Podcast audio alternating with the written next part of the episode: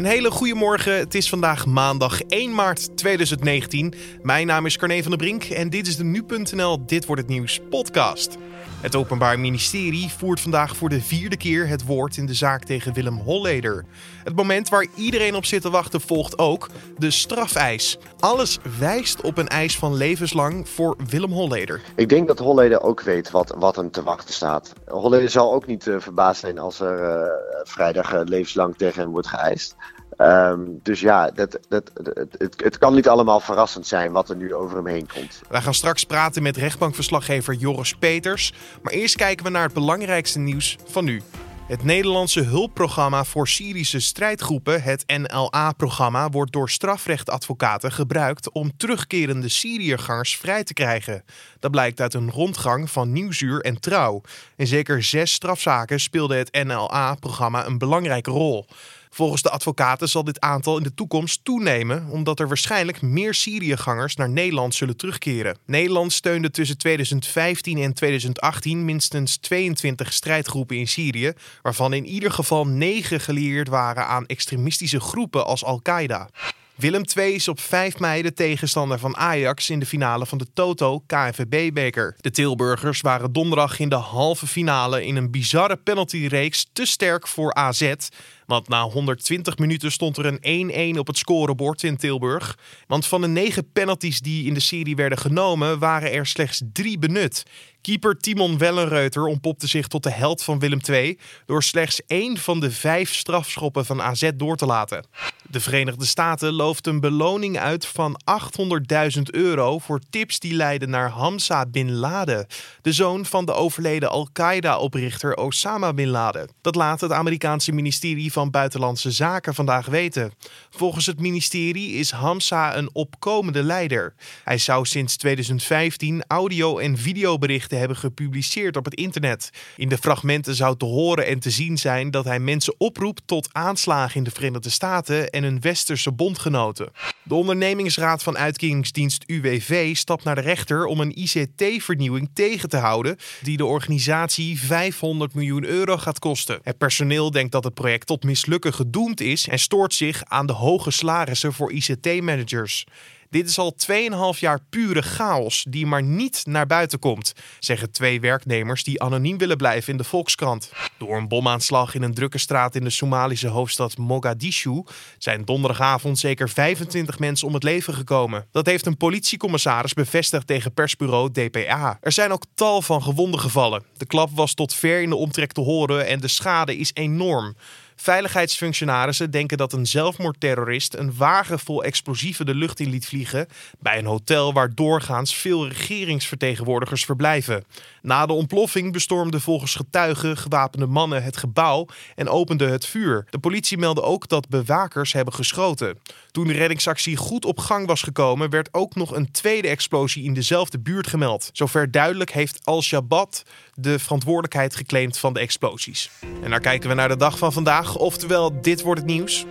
We schrijven er veel over op nu.nl. Meerdere uitlegvideo's zijn er geweest. En ook hier in de podcast bespreken we de zaak Holleder met regelmaat. Vandaag weer, want het Openbaar Ministerie komt met de strafeis. In ons artikel hierover op nu.nl was te lezen dat Holleder aan de top stond van de piramide die besliste over leven en dood. Je hoort Julian Dom in gesprek met rechtbankverslaggever Joris Peters. Nou ja, ik bedoel, even ter verduidelijking, dit zijn de woorden van het Openbaar Ministerie. Uh, en die zien Holleden als een onderdeel van een crimineel uh, driemanschap. Die is al vaak genoemd, samen met Dino Sorel en Stanley Hillis. Uh, en die, die, die, die beslisten volgens hen over, over leven en dood met veel gemak. En, en, dat zie je ook wel aan de telastenlegging die, die Holleder voorgeschoten heeft gekregen. Het, het gaat om om vijf uh, voltooide moorden. Dus uh, ja, ja wat, dat lijkt me duidelijk. Als we naar de, de moorden die de donderdag besproken werden tijdens het requisitor, ja. Uh, ja. daar even naar kijken. Dan hebben we het over Willem Enstra, John Miermet en Cor van Hout. Ja, Zijn klopt. de bewijzen tegen, die, ja, tegen Holleder bij die drie liquidaties even sterk?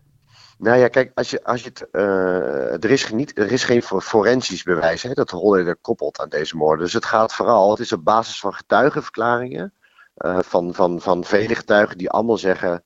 Uh, Holleder is betrokken geweest bij deze moorden en heeft deze, hè, opdracht hiervoor gegeven. Al dan niet samen met Sorel en Hilles, die criminele, criminele organisatie waartoe hij zou hebben behoord. Um, dus het is nu de vraag hoe betrouwbaar worden deze verklaringen geacht door de rechtbank. Uh, het OM heeft vooral ook veel nadruk gelegd op een zogenoemd uh, moordcommando, de groep Alkmaar. En die zou dan weer betrokken zijn geweest bij uh, zowel de moord op Mierenmet als op Enstra. Um, maar in, in, beide gevallen, of in het eerste geval van, van Enstra, uh, is deze groep uh, in eerste aanleggen vrijgesproken. Ja. Uh, de dienst nog wel hoger beroep. Maar in het geval van Mierenmet zijn zij nooit vervolgd. Ze worden er wel van verdacht. Maar ook hier is nog geen uitspraak over gedaan. Dus dat maakt het wel uh, een stuk lastiger. Wat betekent dat voor deze uitspraak dan? Ik bedoel, als hierop iemand uh, dan nu schuldig wordt verklaard, dat ja. moet dan een soort van gevolg hebben in een andere uitspraak, ja, toch? zeker. Ik denk dat het OM, uh, als stel dat Holleder wordt, wordt schuldig wordt bevonden voor het opdrachtgeven voor de moord op Enstra en Mirimet, dat, dat, dat zorgt ervoor dat de zaak tegen die mannen heel sterk is. maar dat is allemaal nog een beetje toekomstmuziek. En het lijkt mij ook in dit geval uh, worden dit de moeilijke dossiers waar Holleder voor wordt veroordeeld? Dat is nog maar net de vraag. Ja, was er iets af te lezen aan de houding van Holleder terwijl het OM blijft praten? Want dit is inmiddels de derde dag dat jij daar zat en ja. vandaag dus de vierde dag. Hoe ja. zit hij daar in die zaal? Nee, nou, hij zat er op zich wel rustig bij. Hij pakt af en toe zijn bril erbij en overlegt hij met Sander Jansen. Hè? Ik bedoel, vanaf, vanaf 7 maart. Ja, zijn advocaat. Vanaf 7 maart zal die het pleidooi gaan voeren, hè, de, de verdediging. Uh, dus ik denk dat Holleder hem wel wijst op van, goh, weet je, uh, uh, let hierop, dit klopt niet. En dat soort dingen. Maar voor de rest was hij vrij, kwam hij vrij ontspannen over op mij. Hij luisterde ook gewoon rustig dus?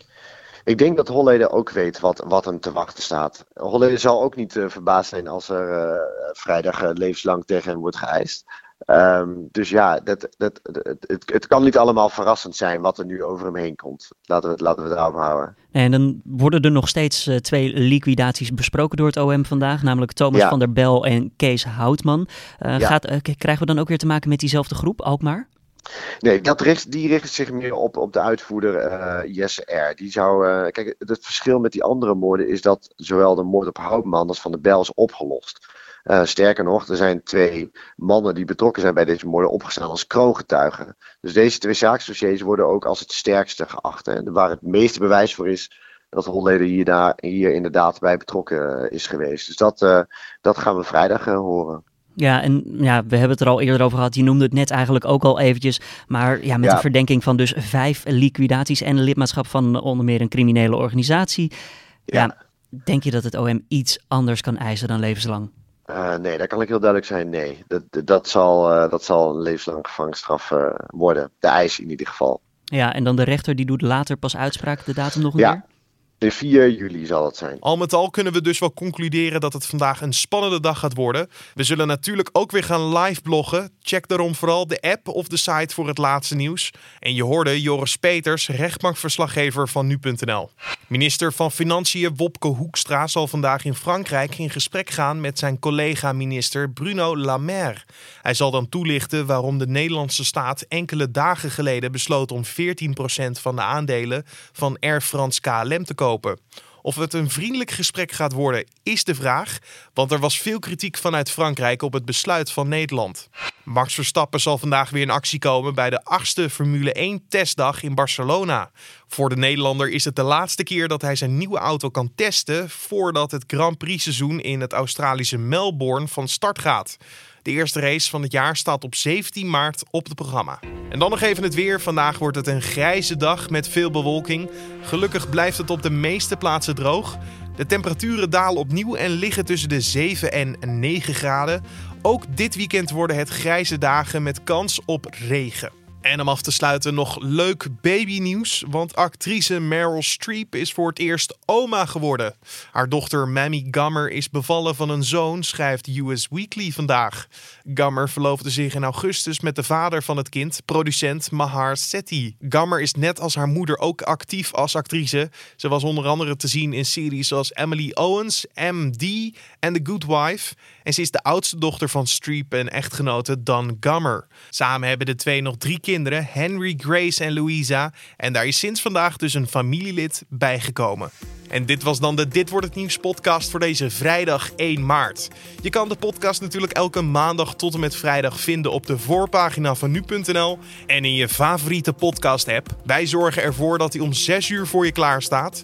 Je kan ons ook laten weten wat je van deze podcast vindt. Misschien heb je feedback of wil je nog iets weten van ons. Laat het ons weten via een mailtje naar podcast.nu.nl of een recensie in iTunes. Mijn naam is Carne van der Brink. Ik wens je een hele fijne vrijdag, een mooi weekend en tot maandag.